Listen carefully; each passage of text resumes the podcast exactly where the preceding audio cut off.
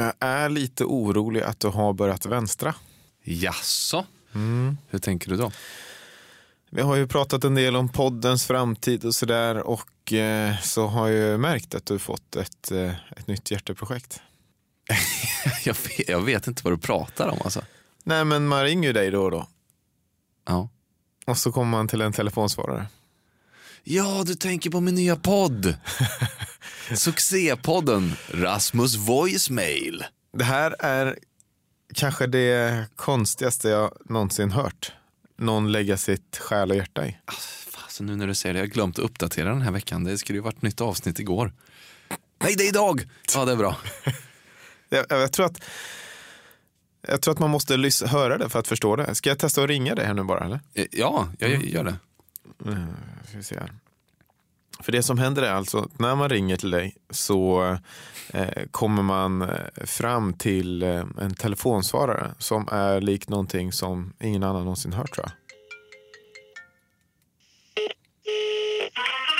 Mm.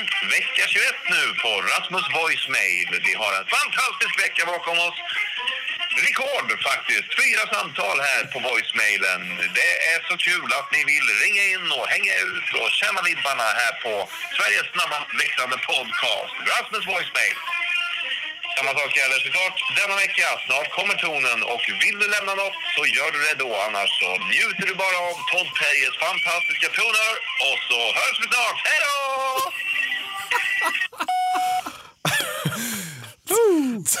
Alltså, Vilket fart det är i Rasmus Voicemail. det här är Alltså. så dumt alltså.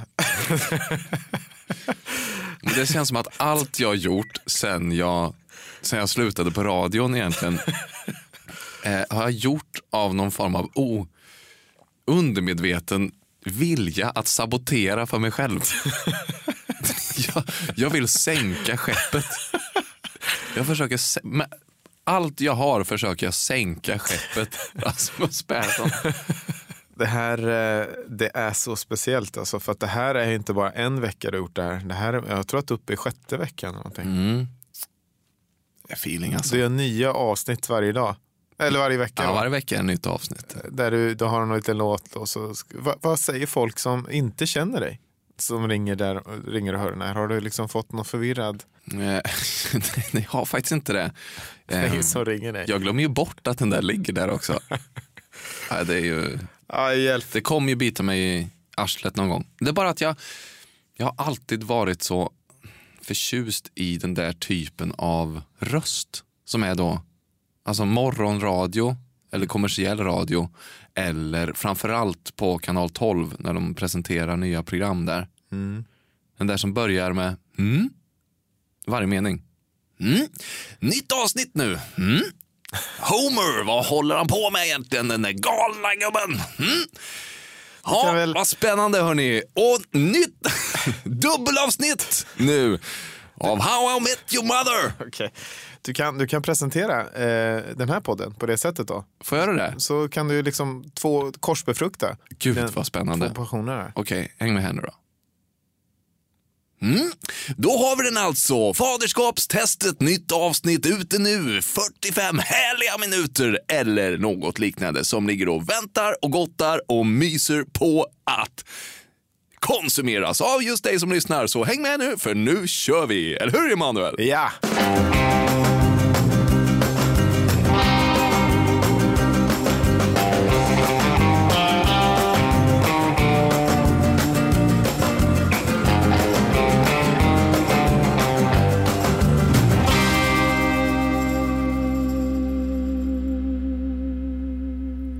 En speciell vecka för alla föräldrar där ute.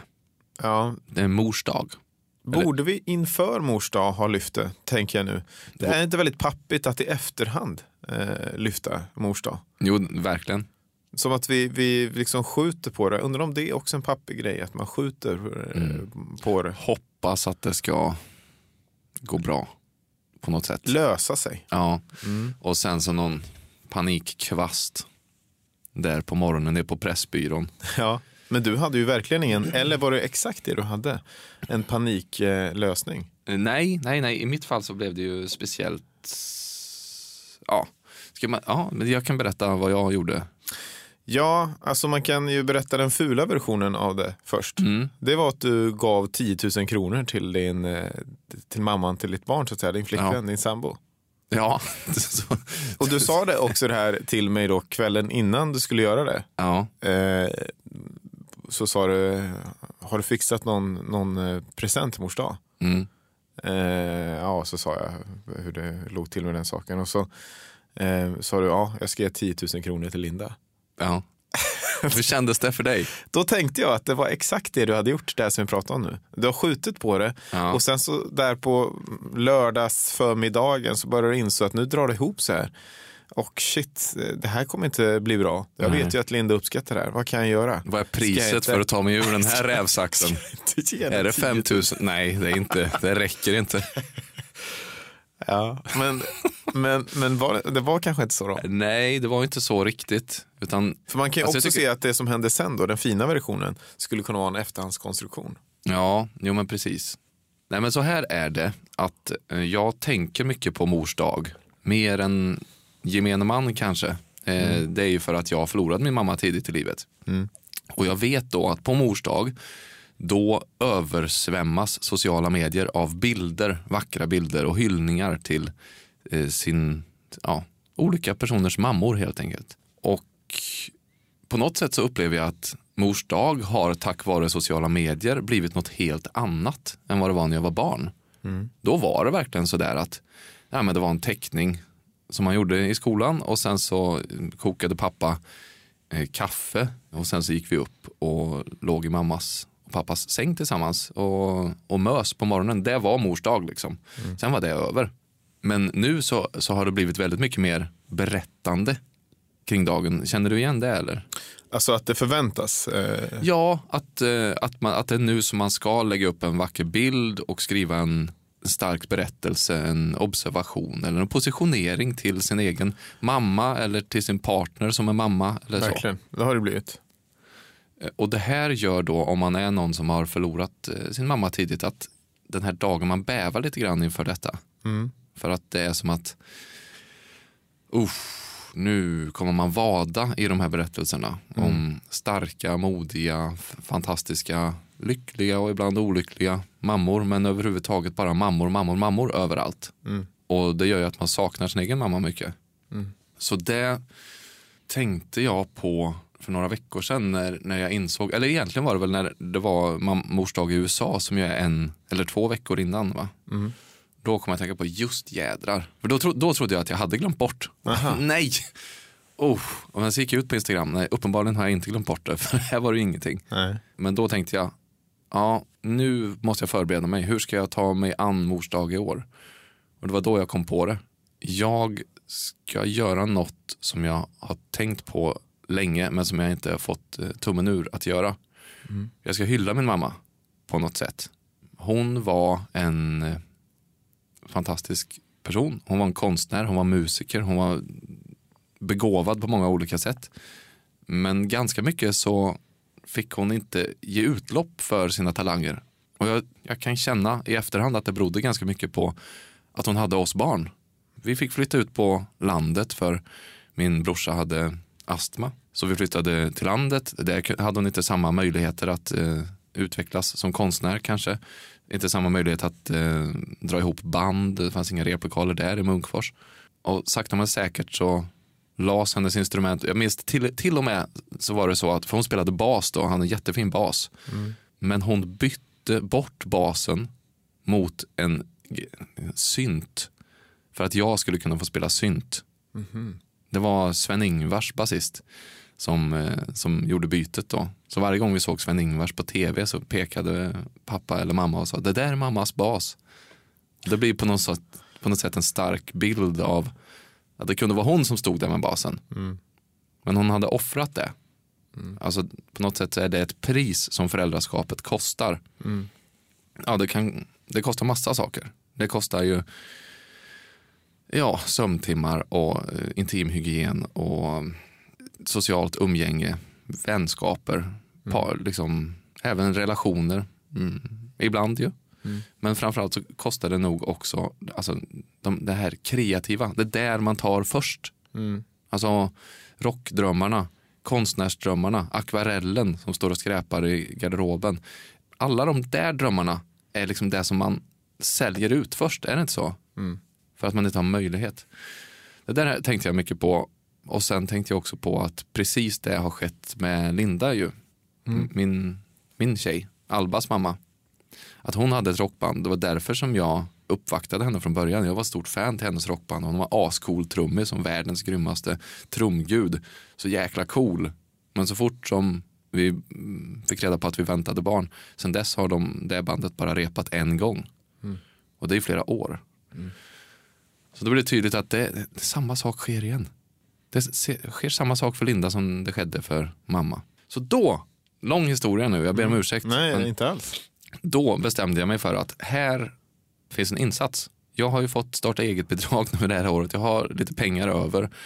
Jag ska instifta ett stipendie till min mors ära då. Till andra mammor som också har kreativa ambitioner och drömmar men som tvingats sälja ut det till förmån för familj och barn. Och det är inga jättesummor, men 10 000 kronor då bestämde jag. Det kan man ju samla ihop varje år på något jädra sätt. Så varje år är tanken, om jag, om jag, om jag har tillräckligt med mat att ge till Alba också, eh, att eh, på mors dag då så ska jag ge 10 000 till någon mamma som, ja, precis som min egen mamma då, skulle vilja få utlopp för något kreativt men ja, inte får det på grund av familj. Så det var, vad köpte du?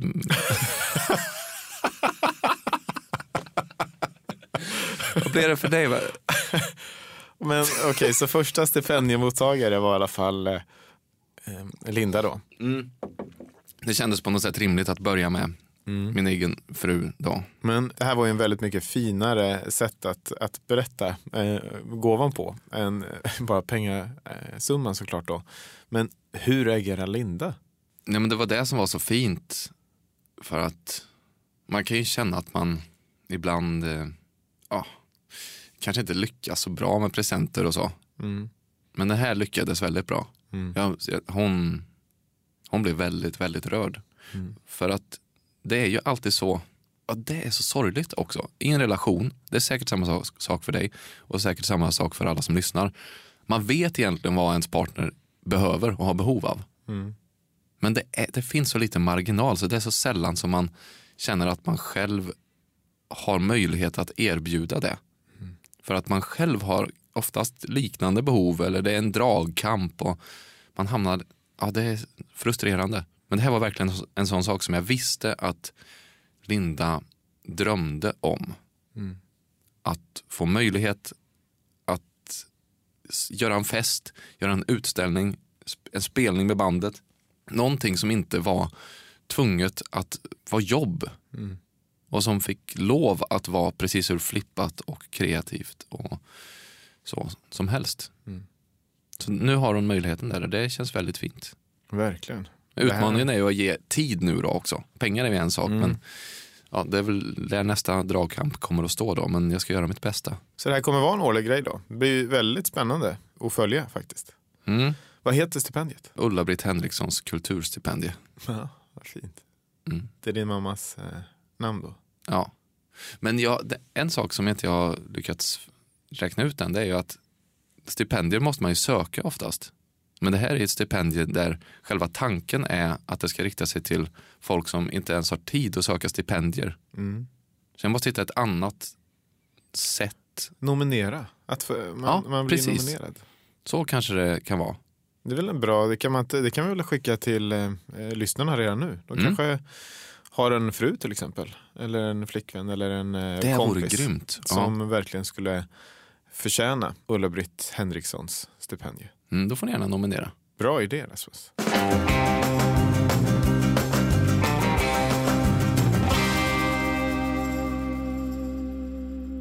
Du, jag läste på Facebookgruppen förresten. Mm. Vår på Den ja, interna pappa, den för bara pappor ja. faderskapstestet, pappagruppen. Eh, att du skrev en liten, eh, jag vet inte om det var ett rop på hjälp eller en, eh, en, en, en liten en, en liten signalraket skickade upp där i gruppen i alla fall om det här med posttraumatisk föräldraledighetsstress.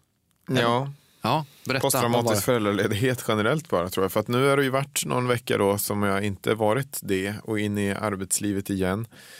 Och eh, mina barn föraktar mig.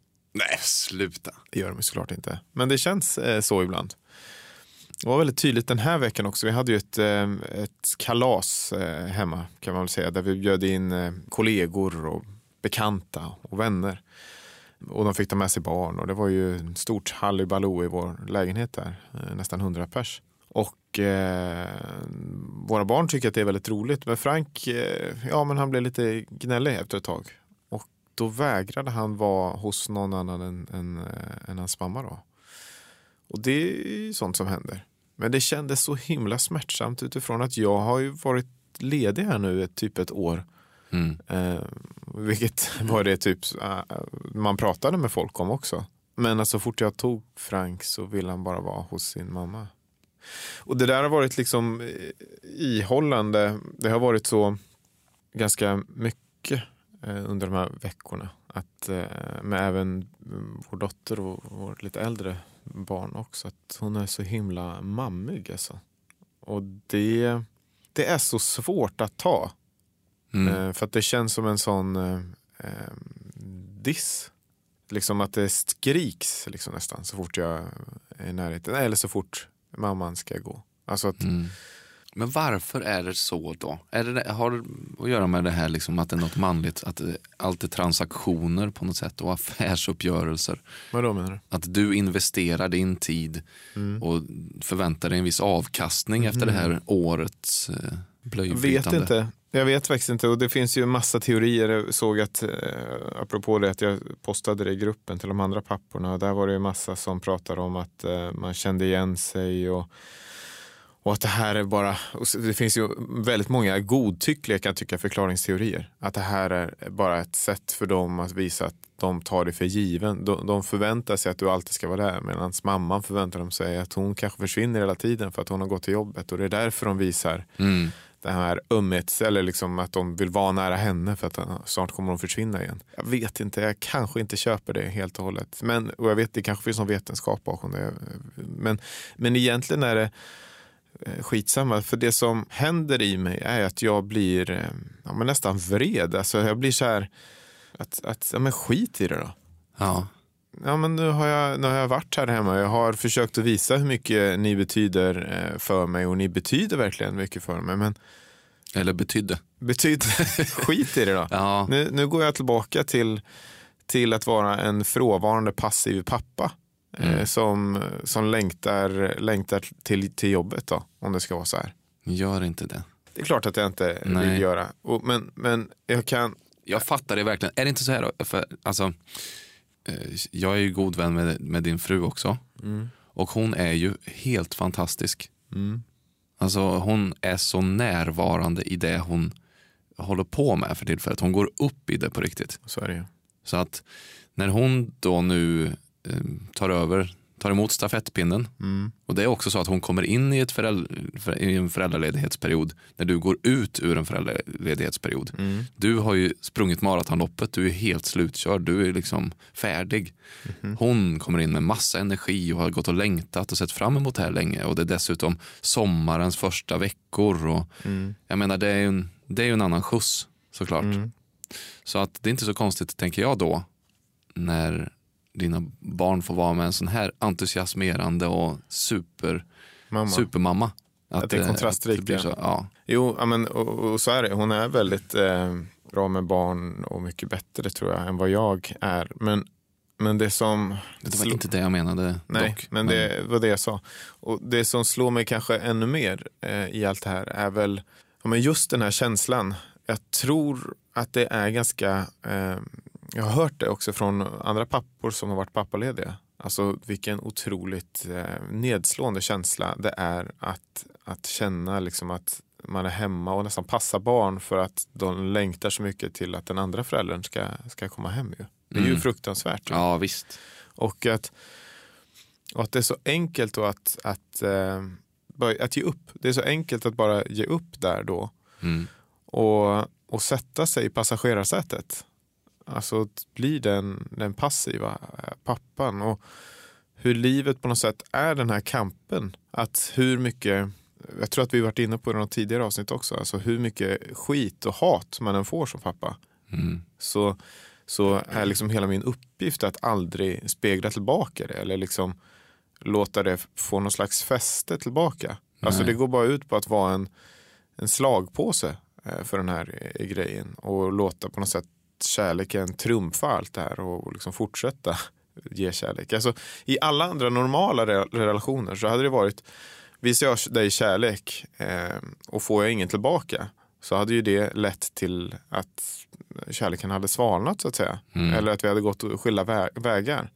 Alltså vi är förprogrammerade där. Men här när vi får barn då så, så klart att det finns en annan typ av kärlek av, som handlar om blodsband och alltihopa. Men, men det, finns, det, det finns en konflikt mellan de här två olika ska man säga, programmeringarna. Mm. Som jag tycker har varit eh, ja, intressant att smaka på den här veckan. Eller det har stått i sån tydlig konflikt i mig. Alltså Mm. inte så att jag kommer så att säga ge upp om, om, om barnen. Verkligen inte. Men jag har bara, jag bara fått smaka på det och, och kunnat smaka, känn, känna på dem, känt på de känslorna också. Av att, eh, att, att bli sårad av det. Eller känslan av att man vill eh, eh, ge tillbaka. Eller förstår du vad jag menar?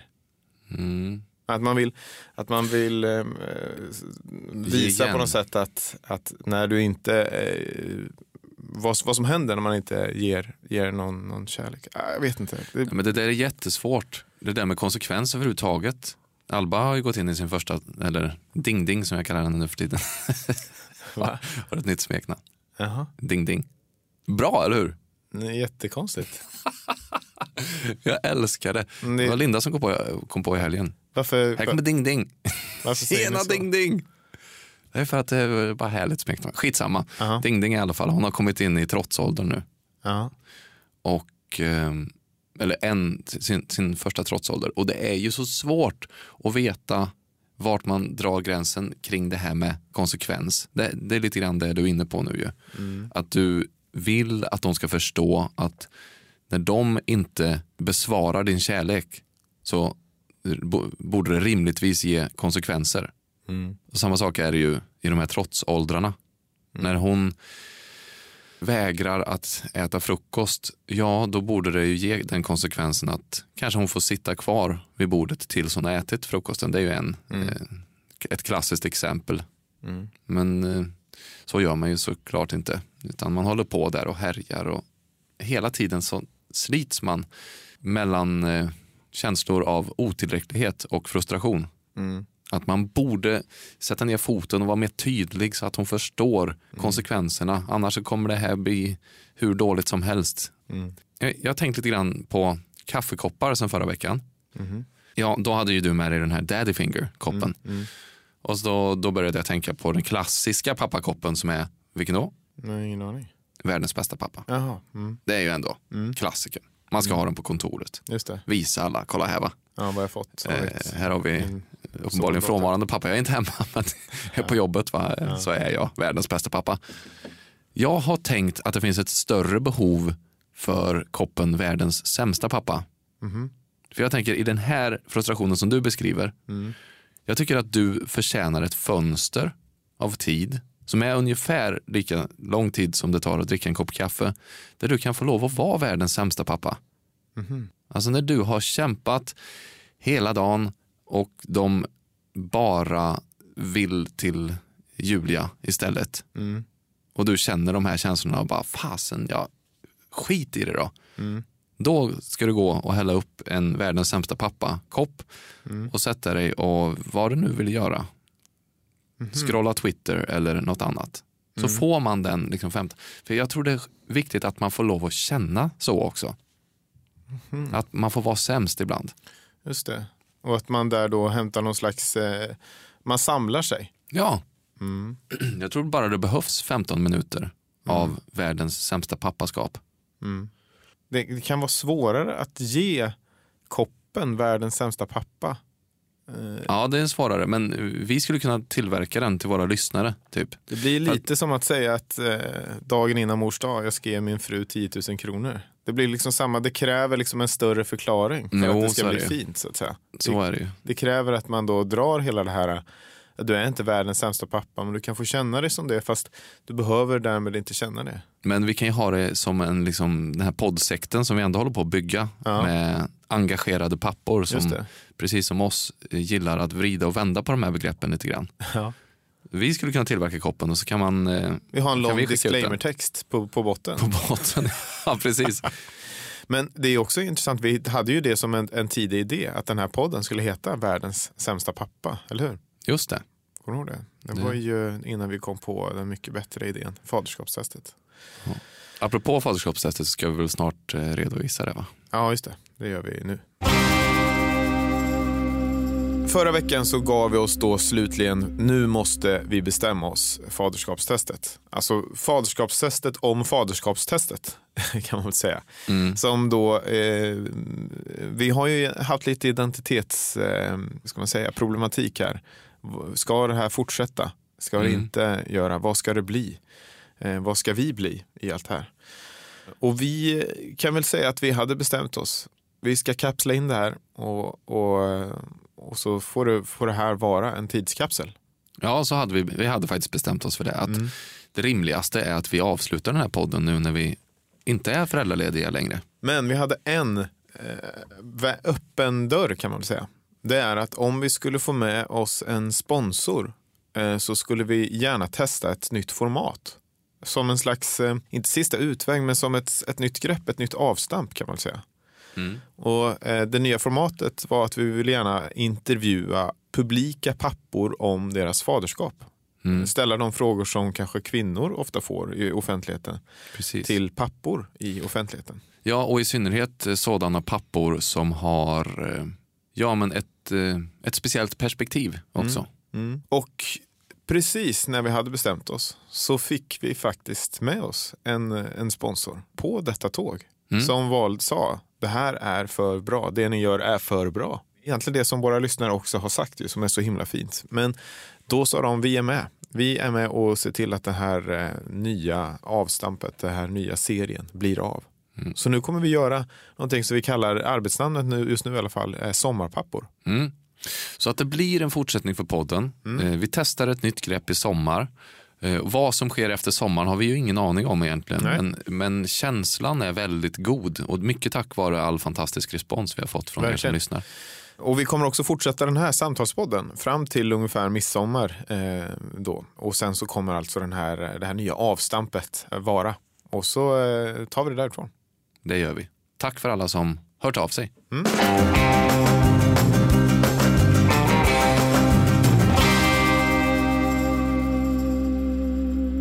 Vi har ju haft ett eh, samarbete med en ny partner här i podden som kallar sig för Jepster. Y-E-P-S-T-R. Precis. .se. Ja, eller en app då som man laddar ner är det ju framförallt.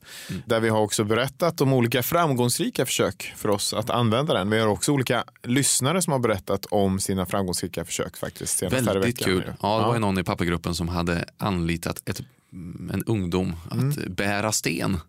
En väldigt stor framgång. Och jag vill också bara då säga, för att det här är någonting som har kommit upp eh, när man börjar prata om det här och någon som pratar kan jag inte hyra, då kan jag måla mitt hus till exempel. Och sen ha tänkt det när det ramlar någon unge liksom från trappan eller sådär. Då vill jag bara säga att dels så eh, får ungdomen en väldigt stor del av ersättningen. Men jag tror att de tar 10% bara i Jepster.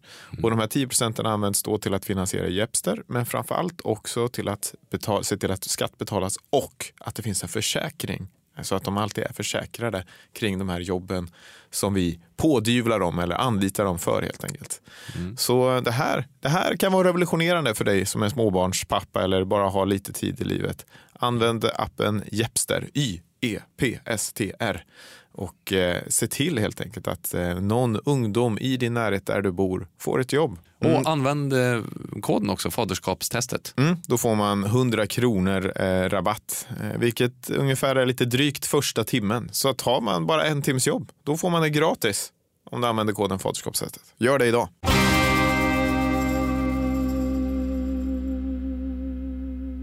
Jag såg ju ett klipp på, på din Twitter egentligen som fick eh, pappakänslorna att spinna loss något alldeles fruktansvärt. Mm. Mm, Det var den här eh, 22-åriga mm, asylsökande Malines? Ja, säger man det? det, från kanske man Mali. säger Mm. Malines, jag minns inte. Eh, eh, I Frankrike någonstans som då klättrar på husfasaden fyra våningar upp för att rädda en ja, två, treårig Som hänger från balkongen ja. hänger från balkongräcket. Den här människan är liksom en hjälte bortom rimlighetens gränser eller förståndets gränser. Han klättrar som en ja, parkourartist, kastar sig upp. Det är som, en, det är som att man är på Cirkus Scott. Alltså, det, han är ju ja, men han är ju värd allt i livet. Ja, det f- blev ju stort ju. Ja, det blev ju enormt. Och jag ville ju, jag, jag ville ju ta ut alla pengar jag hade på banken och skänka det till honom och eh, ja, men ägna resten av mitt liv åt att den här människan ska få han ska få allt han vill ha. Ja, allt och han, pekar på det ska bli fick han hans. ju också. Emmanuel Macron, Frankrikes president, eh, erbjöd ju honom också medborgarskap. Den asylsökande alltså. Det där var egentligen det jag ville prata om, för det där är ju väldigt intressant. Mm. Att man känner så här är en sak. Det har vi ju tidigare varit inne på. Det här med att tänka med ryggen som man gör som förälder. Att, det liksom just det, att allt förstånd bara går ut för att eh, Mm. Så fort det handlar om barn. slår till. Hade han klättrat upp för att eh, rädda en katt så hade det inte varit samma sak. Naturligtvis i och för sig. Men alltså, så fort det handlar om barn så bara allt sätts ur spel. Det här måste ju ha hänt för Macron. För är det inte riktigt konstigt att, ja, men att erbjuda medborgarskap för en hjältemodig handling? Jo. Jo, det är verkligen. Som att det är liksom en, en, en gåva som man kan pytsa ut liksom till, till de som... Och är det en lösning också då? Att man helt plötsligt... "Ah, Jag fick, inte, jag fick avslag. Men du, jag tror vi kan göra ett viralklipp här som visar eh, vilken hjälte du är. Det blir ju så otäckt. Det blir liksom så här operafieringen av hela eh, Tillräckligt starka känslor. integrationspolitiken. Otroligt märkligt. Att alla då ska ha en perfekt utmejslad hjältestory som ska spridas på det mest eh, effektiva vis. Först då förtjänar man att ingå i det här samhället som ju till största del består av rövhattar och misslyckade människor. Det är vi ju alla liksom. Ja. Ska man behöva klättra på utsidan av ett hus fyra våningar och rädda ett hängande barn för att få vara med här? Det blir ju en jättekonstig signal. En annan sak jag tänkt med det klippet är på den, jag tror att det var en pappa som eh, hade den lägenheten där barnet eh, alltså då hängde ut från balkongen. Klamrade sig fast från balkongen. Som ju såklart blev åtalad för ja, oaktsamhet eller något liknande. Alltså vilken fruktansvärd känsla. Att komma hem och inse. Han kanske sprang ner till Ica det var panik. Ja, Koriandern var slut. Ja, men det tar en minut eller två. Jag stänger, sätter på babblarna här och så springer jag bara ner och fixar eller någonting. Ja, eller han sov kanske. Kanske barnet sov till och. Ja. Och en duktig klättrare. Ja. Eh, och, och det blev som det blev så att säga. Kanske är det världens bästa farsa som har liksom, sen barnet föddes kämpat med, att, med motoriken och Mm. ut, stimulerat eh, akrobatik och så vidare. Men, och, eh, såklart vilken fruktansvärd, alltså han är ju Frankrikes sämsta pappa just nu. Ja. Men jag tänker då på alla de här, vad de, hur de gör och hur de tar sig liksom vidare sen. Och jag tänker också på den fruktansvärda händelsen, den lever i mig ofta, som var i Sverige. Jag tror att det har hänt flera gånger, men framförallt den senaste var ju för något år sedan här i Sverige, där en pappa då åkte till jobbet eh, och skulle lämna av sin son på förskolan. Var så stressad, det var liksom något viktigt på jobbet eller ja, han skulle skynda sig dit. Så han glömde att lämna av sin son på förskolan. Eh, och han glömde också att hans son satt i bilen, i bilstolen där bak fastspänd. Och åkte till jobbet, parkerade bilen och sprang in. Och kom ut sen efter en arbetsdag och hittade sin son död där i Nej. Liksom det har varit så varmt, det var sommardag, du vet. Inga rutor ned, nedvevande.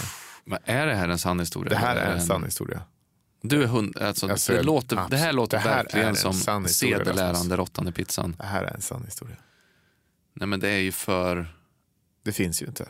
nej det går, det, Och det, jag är så himla rädd. Alltså för att Åh fy! Det som är det värsta med det här är ju inte det då att det är liksom en medeltidshistoria om någonting grymt utan det är ju att det är en samtida berättelse av självupptagenhet, stress, jobb. Det här eh, livspusslet som vi försöker... Jag har ju glömt massa saker och jag tror ju inte att det finns på kartan att jag skulle glömma det. Men det finns ju uppenbarligen på kartan för så att säga, mänskligheten för, i, i Sverige, här. Bland en vanlig medelklasspappa. Liksom, Ja, vi, hade nog inte, vi hade nog inte tyckt att berättelsen var så otäck och obehaglig om det inte var så att det fanns botten i oss själva i det där Nej. eko på något sätt djupt där inne. Att man också är förvirrad ibland. Det är ju så ofattbart. Alltså jag, jag, jag kan till och med drömma mardrömmar om det där. Vad man skulle göra om man upptäckte det, om man kom ut till bilen.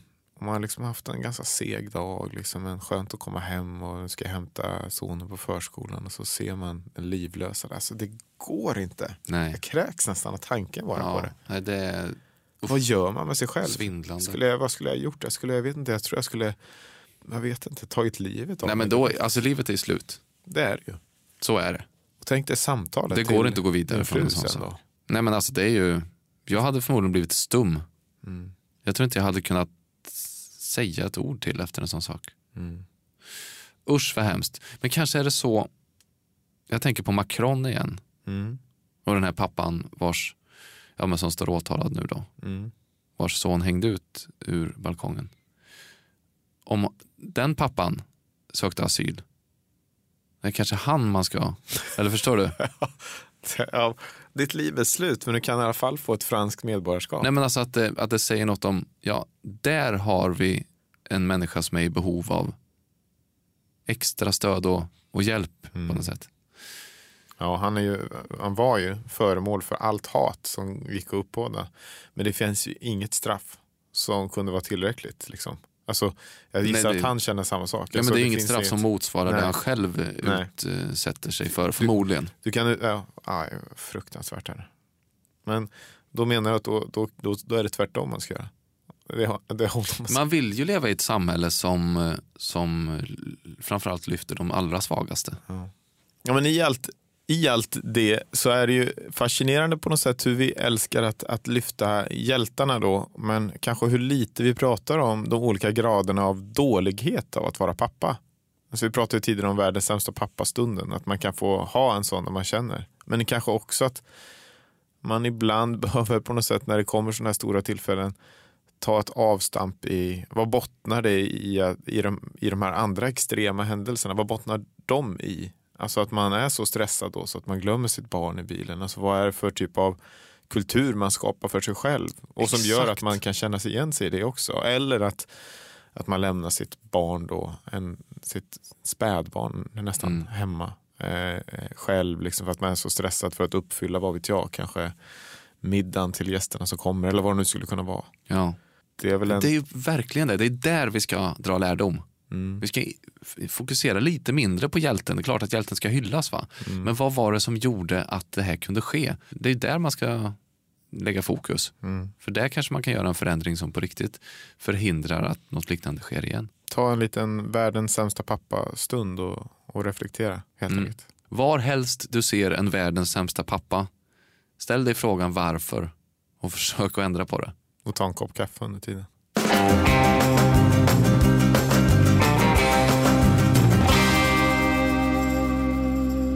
Vi har Mat.se som en sponsor till detta program. Älskade, älskade mat.se. Vi skulle nästan ha gjort en före och efter här nu. För hur du var när vi introducerade, eller jag introducerade Mat.se i ditt liv i Jag början av den här pastor nu. podden. Jag pastor och livsmedel. Preach! Och det är väldigt fint att Halleluja! se att, att Mat.se börjar prata om att det är många av våra lyssnare som har blivit anslutit sig till den här sekten som det uppenbarligen är. Ja men det är det. Ja. Men den är bäst. Den är bäst och den revolutionerar allas liv. Eh, använd koden PAPPA när du är ny kund. Om du ännu inte är i den här sekten. Om du ännu inte förstått vad det är vi håller på att Då tala är du ju tungor om. sjuk. Du är- Då, då är du allvarligt sjuk. Men det är ändå, Det finns ett bot, en botemedel. det finns frälsning. Det finns frälsning. Använd Kom i vår famn. Eh, Du får 200 kronor rabatt eh, om, du är på, om du köper för över 100, 500 kronor. Så eh, det är dags nu. Det är dags. Ja men ni vet vad det här handlar om. Det är ingen idé att hålla på och tjafsa ner i matbutiken och gå runt som en gammal neandertalare. Häng med! Framtid nu. Nu kör vi. Mat.se. Då slår vi igen butiken. Ja, men det gör vi. Vi Vi, är ju tillbaka här nu. Vi, eh, vi kör ju vidare helt enkelt. eh, Varje dag, håller på att säga. Vecka fram till midsommar. Väldigt roligt att de är. Berätta om det för alla era vänner. Vad som komma skall. Rata oss på iTunes så är det fler som kommer kunna lyssna på oss också. Eh, ge oss Och då är det femstjärnan som gäller va? Upp med den bara. Upp med Smacka dit den? Ja, nej, eh, ni gör som ni vill naturligtvis. Men... Fast helst en femstjärna. Ja, ja, ja, ja, ja. Ha det bra. Vi hörs nästa vecka. Hej.